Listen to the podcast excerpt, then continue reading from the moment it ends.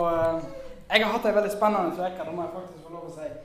Eh, veldig kjekk uke. Jeg er glad for at ikke hver uke er sånn som dette, men det har vært ei snopende kjekk uke. Eh, forrige søndag da jeg på Betania i Knarvik eh, og forkynte på en sånn eh, eh, samling som de kalte for Family Connect. Det var liksom en ekstra ungdomsprofil på møte med ungdomsarbeiderleder Lovsson og kjørte på. Og da hadde de hyrt meg inn som forkynner. Kjempegøy. så artig, vet du. Og så herlig å hilse på menigheten sånn på ordentlig der borte. Det er første gang jeg gjør det. Skulle jo selvfølgelig hilse eh, så mye til denne menigheten fra mange flere folk enn jeg har sjanse til å huske navnet på. Eh, Det må jeg ærlig innrømme, men det var iallfall en utrolig kjekk opplevelse.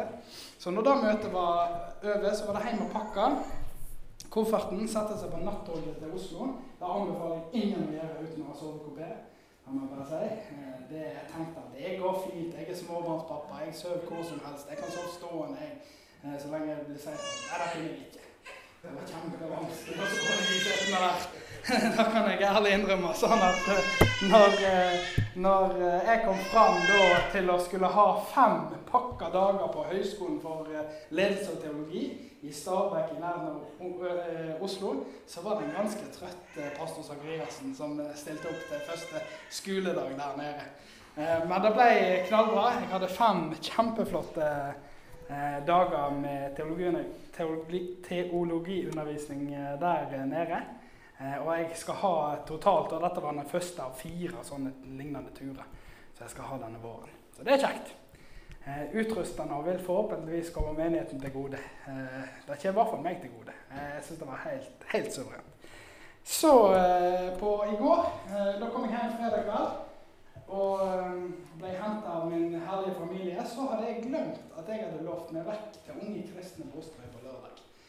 Men da ble jeg selvfølgelig minnet på, heldigvis tidsnok, så jeg og meg med Kaspersrom raste utover der til de ungdommene i går kveld og hadde et herlig møte der ute. Eh, Ble jo veldig spontant forberedt, og i dag er det gudstjeneste. Det er deilig. Jeg må få lov å si det er deilig å ha så mye både teori og praksis på ei og samme uke. Men jeg er glad neste uke er hakket roligere enn den jeg har hatt. Det er jeg. Men det var i hvert fall utrolig kjekt. Eh, og eh, kjempegøy å være med på. Jeg hadde lyst til å si, før jeg begynte på talen, at jeg har jo Noen har kanskje sett at jeg har eh, prøvd meg på en litt spansk en. Eh, med tanke på å ha et medlemsmøte etter denne søndagsmøtet her. Der da kan vi jo snakkes om etter møtet. Jeg har vært litt sein ute i forhold til fristen på ei uke for å holde et medlemsmøte. Så vi kan jo snakkes om hva vi skal gjøre med den saken. Men eh, Og så, ja. eh, Kjempebra lovsangskvelden neste. Da blir det jo ikke et vanlig møte klokka 11, men vi har vår gudstjeneste klokka eh, 6. Med, for de som ønsker å være litt sosiale før, så kan de komme halv seks. Det ser vi grådig fram imot. Helene hun skal dundre av gårde og lede oss i lovsang. Og vi skal eh, ha et hovedfokus, sånn som for de som var med på sist vi hadde en sånn lovsangskveld, så blir jo hovedfokuset på nettopp lovsang og tilbedelse. Så det er kjekt. Er det noen som skurrer? Å, er det den? Skal vi slå den av?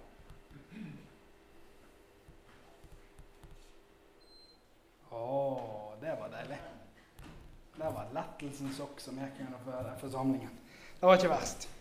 Eh, Så, i tillegg til at vi har Vi har nå eh, begynt med å ha ikke bare bønnemøter på kvelden fra 7 til 8 på torsdag, men nå har vi nesten det vi kan kalle for bønnetorsdager her på Betel. Det er veldig takket være Bård, som sitter bak. Han kommer her klokka ti eh, på torsdagen. Og, og da er det åpent for å komme inn her og være i bønn. Være tilbedelse. Det blir litt sånn forskjellig eh, opplegg hvordan det blir.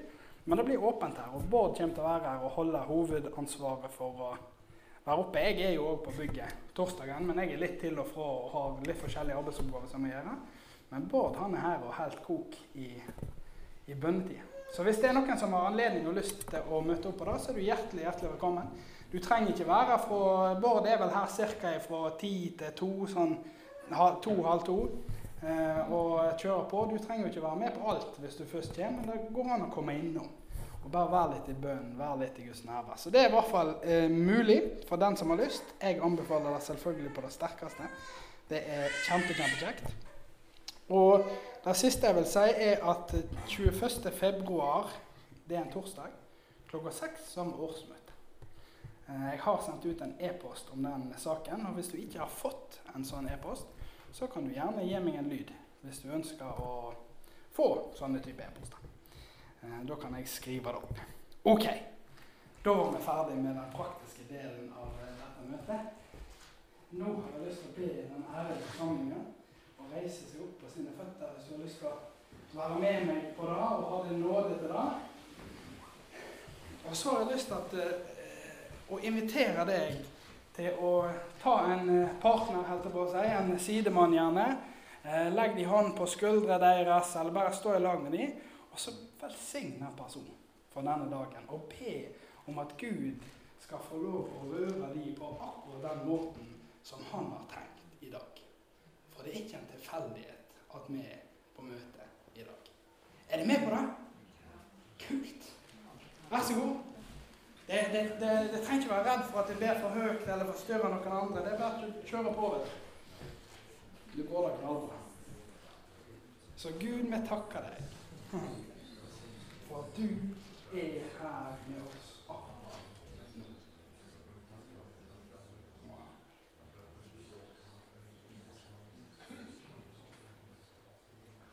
Jesus.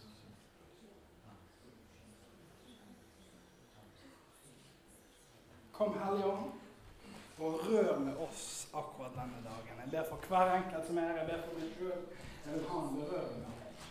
Jeg er ikke kommet her for å gjennomføre en tradisjon kun, men jeg er kommet her for å pleie fellesskap med deg som er den levende Gud. Så jeg velsigner hver enkelt, og jeg ber om en åpen himmel over Betel i dag. Rør oss der vi trenger å bli berørt denne morgenen. Amen. Godt jobba. Dere kan få satt dere ned. Det kan bli stående hvis dere vil, men det kan hende bli slitsomt i lengden. Så da skal dere få slippe. Um, I dag har jeg lyst til å begynne med å fortelle dere en eh, historie om en mann uh, som heter Cliff Young. Er det noen som har hørt om Cliff Young? Er det et kjent navn for noen?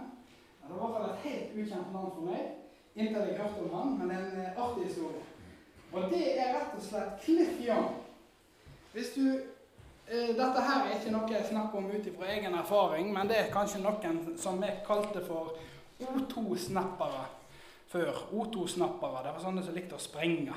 Veldig glad i å suge til seg oksygen og sprenge og trene og sånn. Det er ikke noe som jeg er veldig sånn overbegeistra for å holde på med. Eh, og I tillegg så finnes det noen av disse her sprengerne eh, som er med på en sånn maraton her.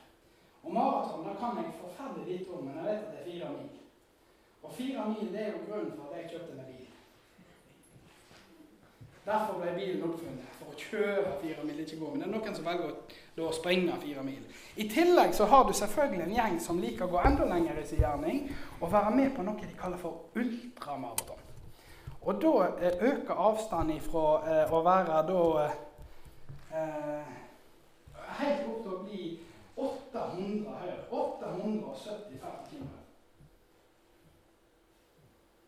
Det er galskap, mine venner. Men det er 875 km. Dette kaller de for ultramaraton.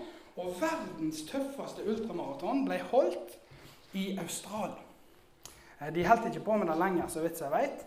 Men de hadde noen år der de hadde et sånt ultramaraton i Australia, som var jo selvfølgelig da et prestisjeløp. Eh, og tilbake på 80-tallet, eh, 81-83, jeg husker ikke detaljene der, så kom det en mann og stilte til start på ultramaratonet der nede. Og han heter Cliff Young.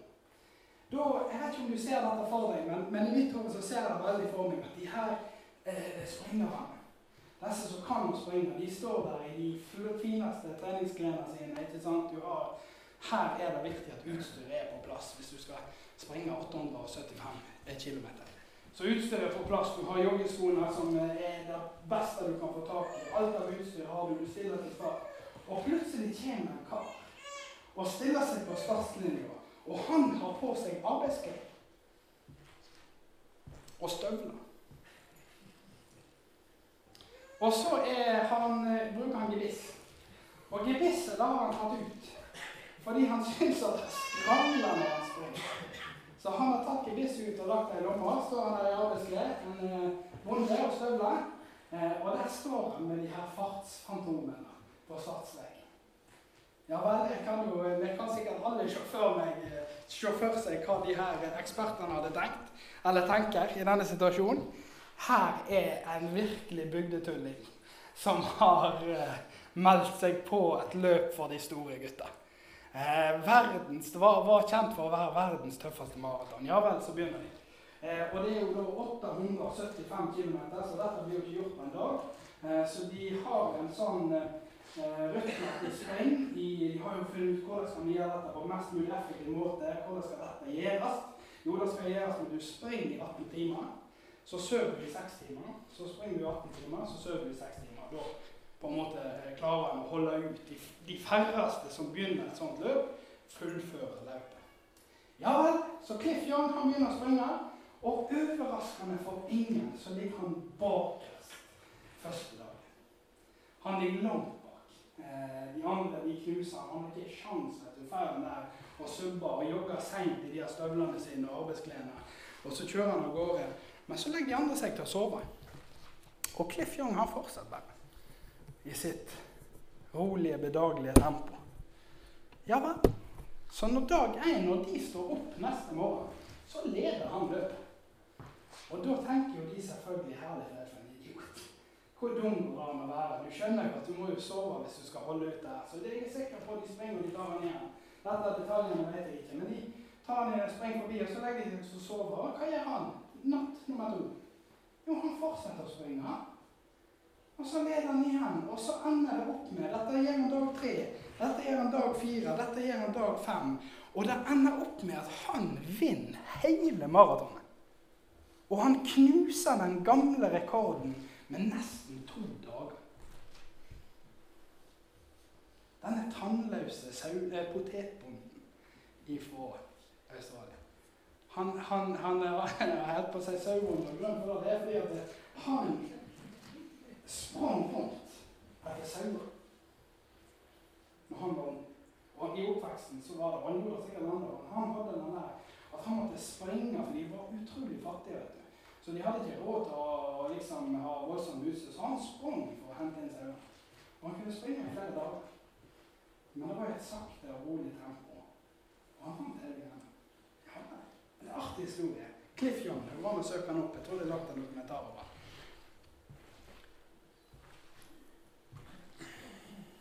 I Guds ord så har vi et par historier, som er jo grunnen for at jeg innleder med denne illustrasjonen og fortellingen, det er jo da at eh, hvis, hvis vi blar opp i Hebreabrevet kapittel 12, så står det en sånn artig eh, oppmuntring til oss. Derfor, når vi har så stor ei sky av vitner kring oss, så la oss legge av alt som tynger, og synder som henger så fast ved oss, og holde ut i det løpet som ligger framfor oss. Med blikket festet på Jesus, trua sin opphavsmann og fullender. Det er noe med dette å ha et løp som er med på, som òg går igjen i noe av bildebruken i Guds ord.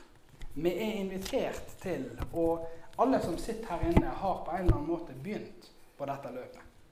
Og jeg syns det er en interessant ting dette at i, når det står om her um, Så står det ikke 'sørg for at du starter godt' når du skal Sørg for at utstyret er på plass. Sørg for at alt liksom er på stell når du skal begynne å springe. Nei, teksten er fokusert på, på hvordan du springer når du springer, og at du fullfører løpet. At du holder ut løpet. Og dette her syns jeg er super, superinteressant for oss som kristne i dag. Vi er invitert til å ta del i en løp, og jeg tror at mange av oss vil kjenne oss igjen i at starten kan ha vært litt eh, humpete. Og noen sitter kanskje og tenker at eh, når en hadde en så dårlig start som det her, så vet jeg ikke om det liksom eh, om jeg har noe å komme med. Og da syns jeg det er et utrolig herlig bilde å tenke på denne tannløse eh, potetbonden. Vet du hvor gammel mannen han stilte? seg? Hvor gammel mannen han stilte til start? Han var 61 år. Det var ikke mulig å gjøre det han gjorde, men han gjorde det likevel. Jeg elsker den historien. Det er så utrolig gøy når noen reiser seg opp og knuser det etablerte. De etablerte sannhetene om sånn skal det gjøres. Det er sånn det virker. Det er sånn vi gjør det. Sånn har vi alltid gjort det. Og det er den eneste måten å fullføre det på. Når plutselig kommer den her tannløse 61-årige potetbonden og så sier han, du, jeg har tenkt at kanskje det går an å bare sprenge hele tida. Hva kan du gjøre etter løpet er ferdig? Og alle tenker 'herlig, for hvor dum han var', Og så knuser han. Og vet du hva en annen artig eh, historie med det, eller en annen artig del av den historien er? At det var seks personer foruten Cliff Young som fullførte det løpet. Vet du at alle knuste rekorden? Alle som fullførte løpet da året han sprang, slo den gamle rekorden med kjempemagi. Når vi velger å springe, da løpet som du har begynt på, det løpet som du springer, det er vanskelig å se kanskje hva konsekvenser og fordeler det har for de som står rundt oss. Men det er det som jeg har lyst til å oppmuntre oss alle til i dag. Fullfør det løpet du springer. Fortsett å springe løpet du springer. Både for din egen del, men du vet ikke hva betyr dette for mine omgivelser. Hvem er det som pga. at jeg har valgt å springe det løpet jeg eh, springer, hvem er det som eh, faktisk kommer til mål en plass de aldri ellers hadde nådd til, hadde det ikke vært for deg? Pga. det valget du har tatt. Og Det er fantastisk å høre de historiene med familier der bestefaren møtte Jesus når han var på sjøen en eller annen plass. Og i dag ser du bølgene, eller ringvirkningene, av det som den avgjørelsen betydde. Det at han bøyde kne for Jesus, har fått enorme, fantastiske konsekvenser for de som står rundt i ettertid. Alle vi som sitter her inne, på en eller annen måte er et produkt av noe som andre har før oss. Og noen har til og med vært pionerene sjøl, som har sagt nei, jeg bryter opp ifra mønsteret. Jeg bryter opp ifra kanskje alle omstendighetene tilsier at mitt liv skal ikke bety en forskjell for noen. Mitt liv, jeg er, jeg er fortapt. Jeg er langt ut på viddene. Jeg har ingenting å komme med. Oppveksten min var forferdelig. Jeg, jeg hadde et kjempedårlig forhold til mine foreldre. Alt gikk imot. Jeg tok gale valg. Jeg bomma på hele utdannelsesløpet, eller hva det måtte være. Men så går det an å ta dette oppgjøret og si nei. Vent litt. Jeg vil begynne å springe i en annen retning. Og det får konsekvenser på alle generasjonene som følger. Det er vel verdt å begynne dette løpet. Jeg har lyst til å vise til en historie fra Det gamle testamentet, i første Mosebok, kapittel 11. Um, jeg skal slå opp, så jeg kan lese for dere. Første Mosebok 11, så er det en person der som jeg tror er ikke så veldig kjent. Han heter Tara. Eh, og kanskje de som er godt interessert i bibelhistorien, kjenner til Tara, men han er nok eh, definitivt en mann som er mye mindre kjent enn hans sønn, som heter Abraham. Tara det, står det veldig lite om, men han har da denne sønnen som heter Abraham.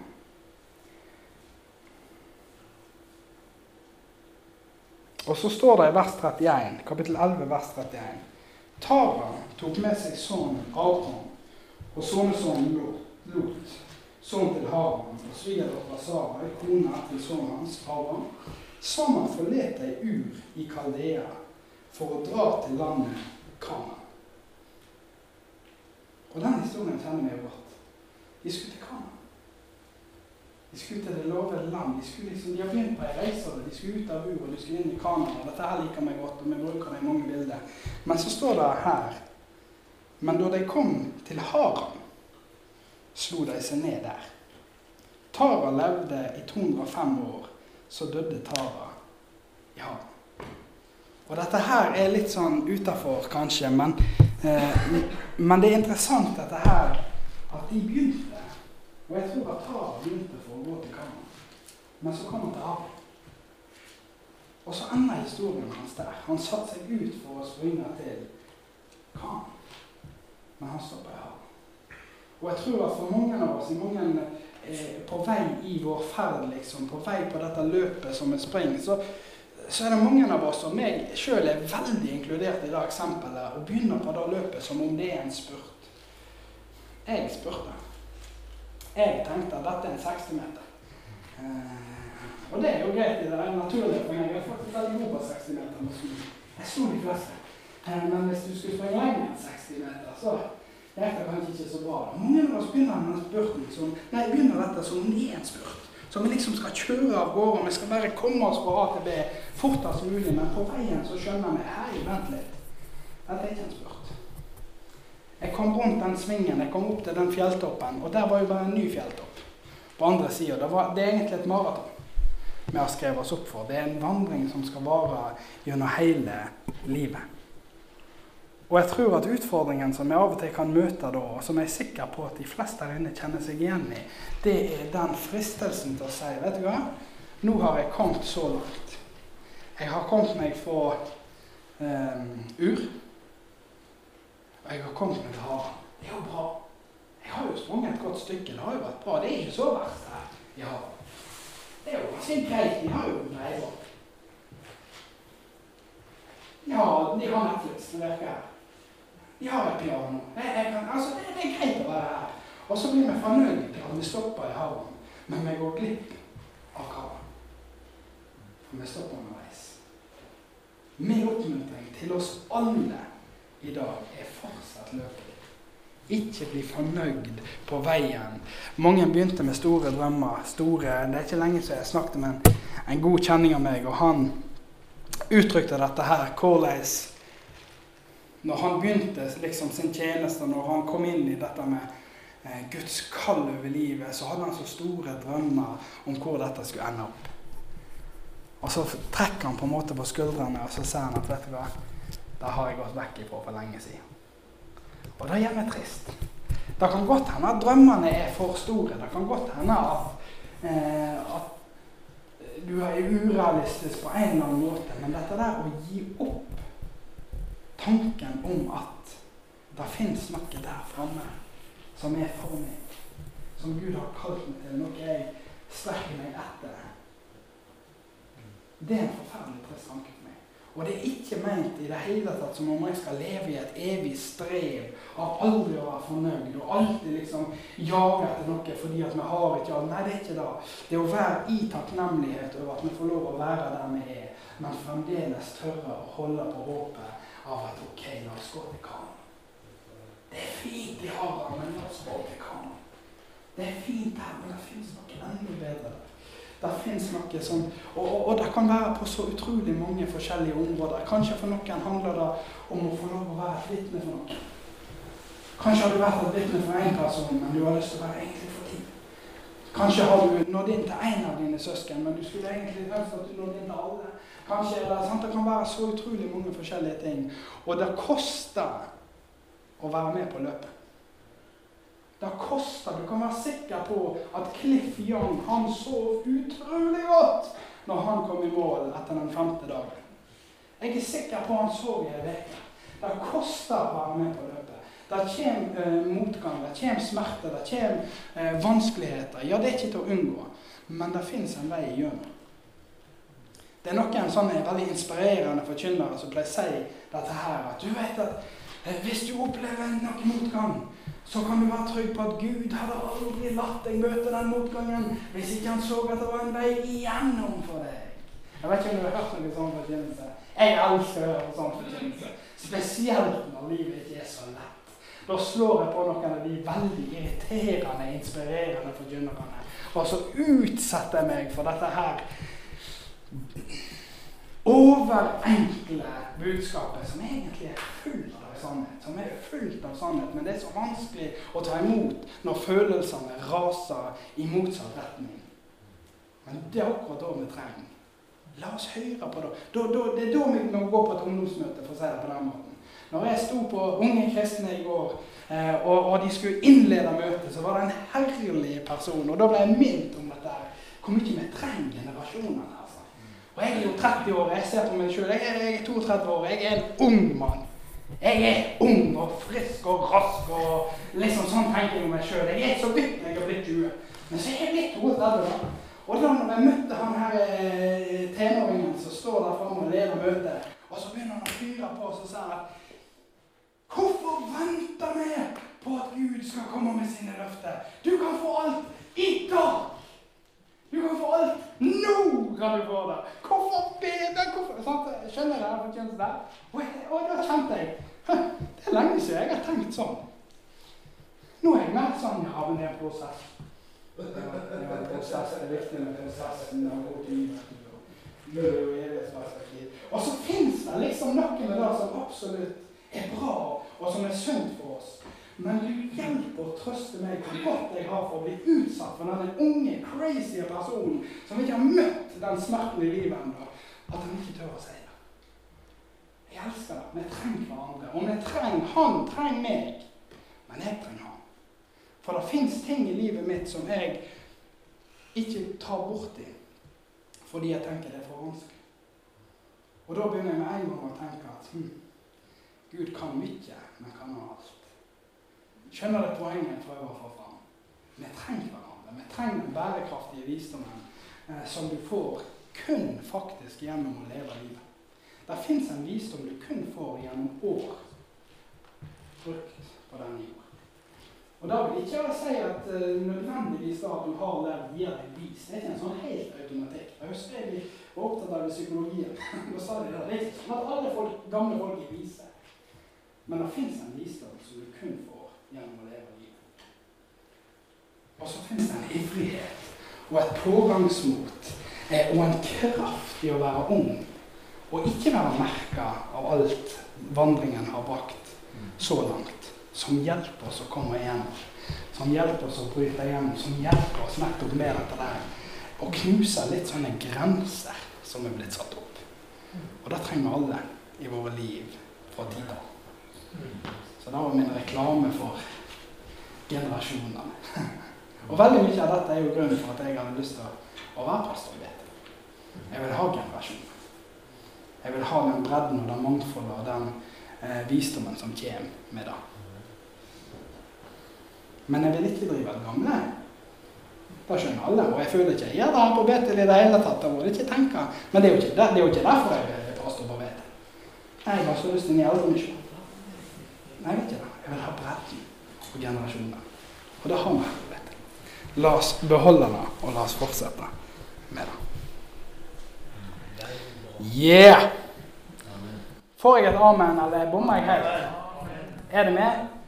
Ok. Nei, men det er greit.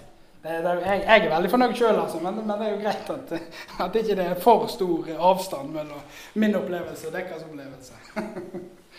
Så når vi har en så stor sky av vitner og denne skya av vitner, da må jeg få lov å, å, peke tilbake igjen til kapittel 11, som et kapittel om trosheltene.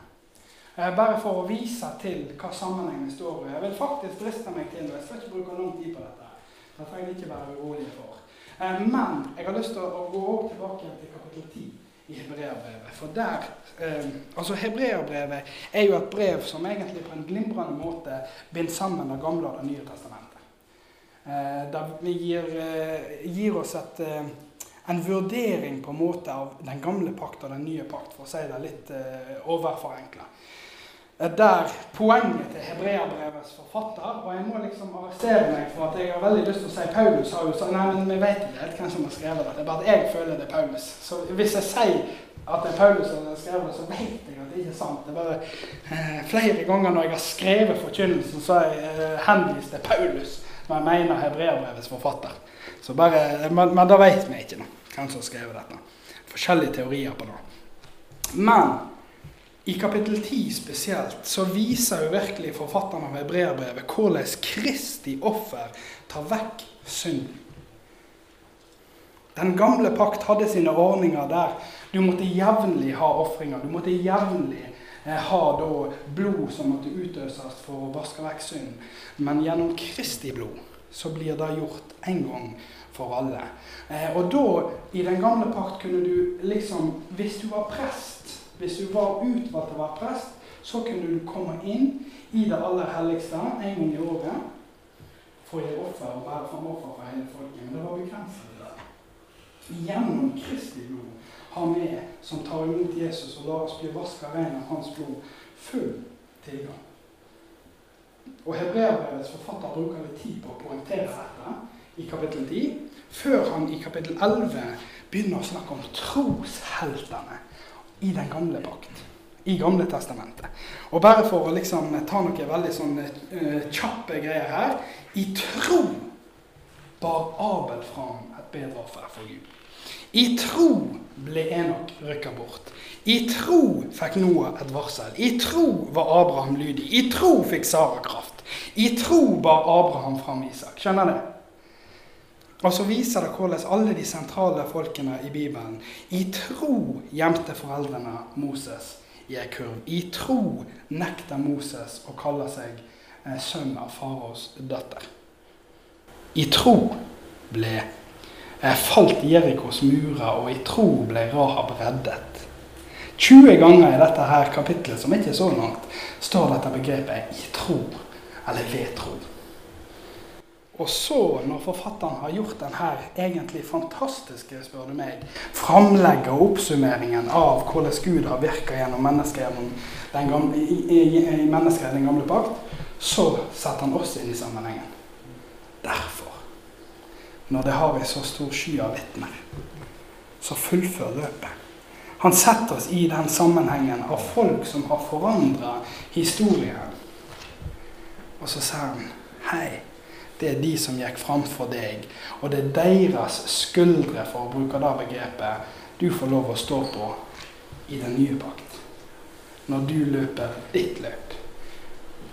La oss aldri lure til å tro at vi springer alene. At vi springer bare for vår egen del. At vi liksom bare Ja, ja. Er det så mye? Jo, faktisk. er Det faktisk nøye. Det betyr noe, måten du springer på. Og det er ikke sagt for å skulle gi deg på noen som helst måte dårlig samvittighet. Det er ikke det som er poenget til Hebreabrevets forfatter. Men det er for at du virkelig skal få se og kjenne Hei! Mitt liv! Når Gud ser på mitt liv, når Gud ser på oss som fellesskap sitt løp, så ser han det i sammenheng med de krigerne vi ser i Det gamle testamentet. Han setter i sammenheng med de som forandrer samfunnet rundt seg. De som inntok nytt land, de som virkelig betydde en forskjell for seg samtidig, så sier det samme er det med oss. Se til bare hvor det skal springe. Fordi dette har betydning for historien.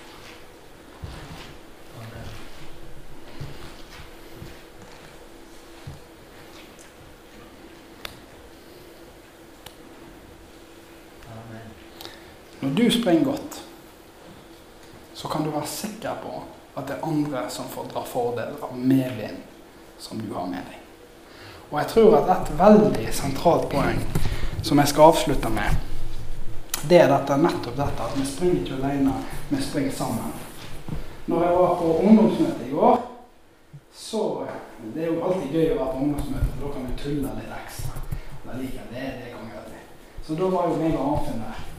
Og vi springer ikke så mye maraton, men vi springer til kebab og burger. Og Da brukte jeg selvfølgelig det banale og idiotiske eksempelet at når jeg da er så lei av hamburger Nå orker ikke en hamburger til. Jeg har, jeg har, spist så mange hamburgere at jeg, jeg, jeg, kan ikke ta en til. Da har jeg heldigvis en god bror som kan hjelpe meg til den neste burgerslagen. Det er selvfølgelig et tullete bilde. og det handler ikke om hamburger i det hele tatt. Men det er sånn i våre liv at vi kan springe godt, men så kan det skje ting som gjør at vi får lyst til å slappe av. Vi får lyst til å sette oss ned og ha en fin bærkliss så greit. Jeg tror jeg sitter her litt. Grann. Kanskje sitter du der et år, kanskje sitter du der ti år. Så tenker du ja, men det ikke greit å sitte her. Nå blir det stiv i beina, ikke sant? ryggen blir det stiv. Det er ikke så fristende å reise seg egentlig. Men det er da vi har den fantastiske velsignelsen at vi springer sammen med andre. Ofte når en pastor står og liksom skal oppmuntre menigheten til at vi må komme når menigheten samles, så blir det den der liksom bismaken. Ja, hvorfor er det da? Er det for at du skal flere taler til det gå, Men det handler ikke om det i det hele tatt. Det handler om at vi kan springe sammen. i det løpet vi har lagt ut på. At vi faktisk kan, når du slakker av, så har du en bror, du har en søster, som kan si hei, dette er midlertidig, la oss springe på det som er evig. Og det var noe jeg har tenkt, og kommer til å fortsette å tegne mange, mange, mange ganger. Eh, og sånn er det for oss som Guds folk. Så la oss Dette er jo ikke bare en invitasjon heller til å komme på møte, men det må jo ikke forstå sånn, men en invitasjon til å leve livet virkelig sammen med andre. At det fins folk som får lov å se hvordan du springer. For å si det på den måten. At det fins folk som får lov å si Hei, du. Hvis du knyter den skolissa, så kommer dette til å gå bedre. Kanskje det er på tide å bytte sko. Kanskje det er på tide å bytte ut det. Du har hull i buksa og kan hjelpe oss videre.